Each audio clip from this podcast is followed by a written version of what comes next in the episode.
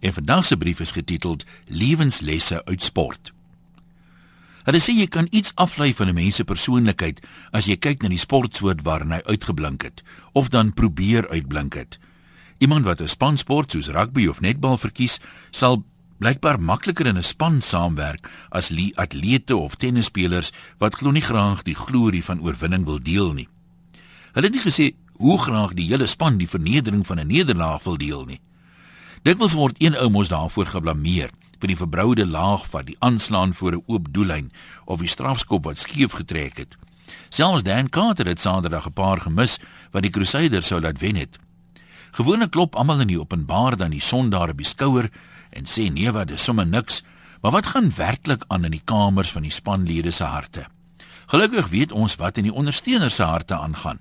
Hulle blameer die ref omdat hulle span se strafskoppe of te min was of te ver of te skuins. 'n Mens kan natuurlik ook baie lewenslesse uit sport leer. Dis nou as jy wil. Maar voor jy nie bereid is om hand in eie boesem te steek nie, sal jy niks leer nie. Nou wat kan 'n mens uit die Bulls en die Brumbies se halfeindstryd leer? Ek kan sommer so vinnig vinnig aan sewe goed dink. 1. Jou tuisveld is nie eintlik 'n voordeel as die ander span eerste punte aanteken en vir die eerste uur voorloop nie. Ondersteuners kan hulle span luidrigtig aanmoedig en die oppositie net so luidrigtig onseën nie, maar hulle kan ook net so stil raak as hulle span agterraak. Die les is: sorg as dat jou spel of jou optrede jou ondersteuners se toejuiging verdien. 2. Goed begonne is half gewonne, maar net half. As jy aan die begin agter is, bly kalm en benut jou kansse.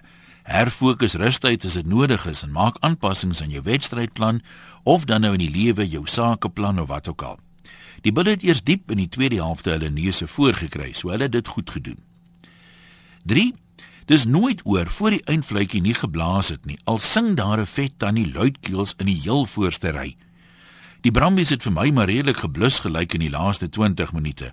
Soveel so dat die bulle nie maklike strafskoppe paale toe gemik het om die wedstryd veilig te maak nie. Dit het dan so maklik gelyk om van 'n lyn staan af 'n 3 te gaan druk. Tot 'n mate kan 'n mens seker die bulle se oormatige selfvertroue verstaan, maar jy moet ook krediet gee vir die Brumbies wat hulle van die doele na weggehou het moet dus nie voor die wenpaal verslap nie. 4. Geleenthede kom soms terwyl jy op die agtervoet is. Wees gereed om dit te benut.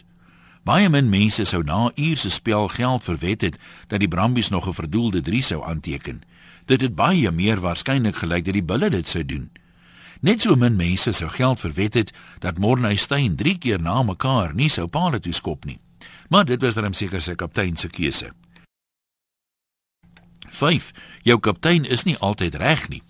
Soms moet jy die moed hê om te sê, "Keppie, ons is net 1 punt voor en hier tel net 'n wen, maak nie saak hoe nie. Kom ons kop liewer paale toe en laat die ander span se koppe behoorlik hang." 6. Die verskil tussen wen en verloor op die sportveld, nes in die lewe, is soms bitter bitter klein. Gebruik dus al jou kansse en bly gefokus op jou doelwit. En arrogansie is in besigheid net so dom soos in rugby. 7. Leer uit jou foute en pas dit wat jy geleer het toe in jou volgende wedstryd. Kennis help niks as jy dit nie toepas nie. Sterkte tot volgende keer. 'n Groete van oor tot oor. Anoniem.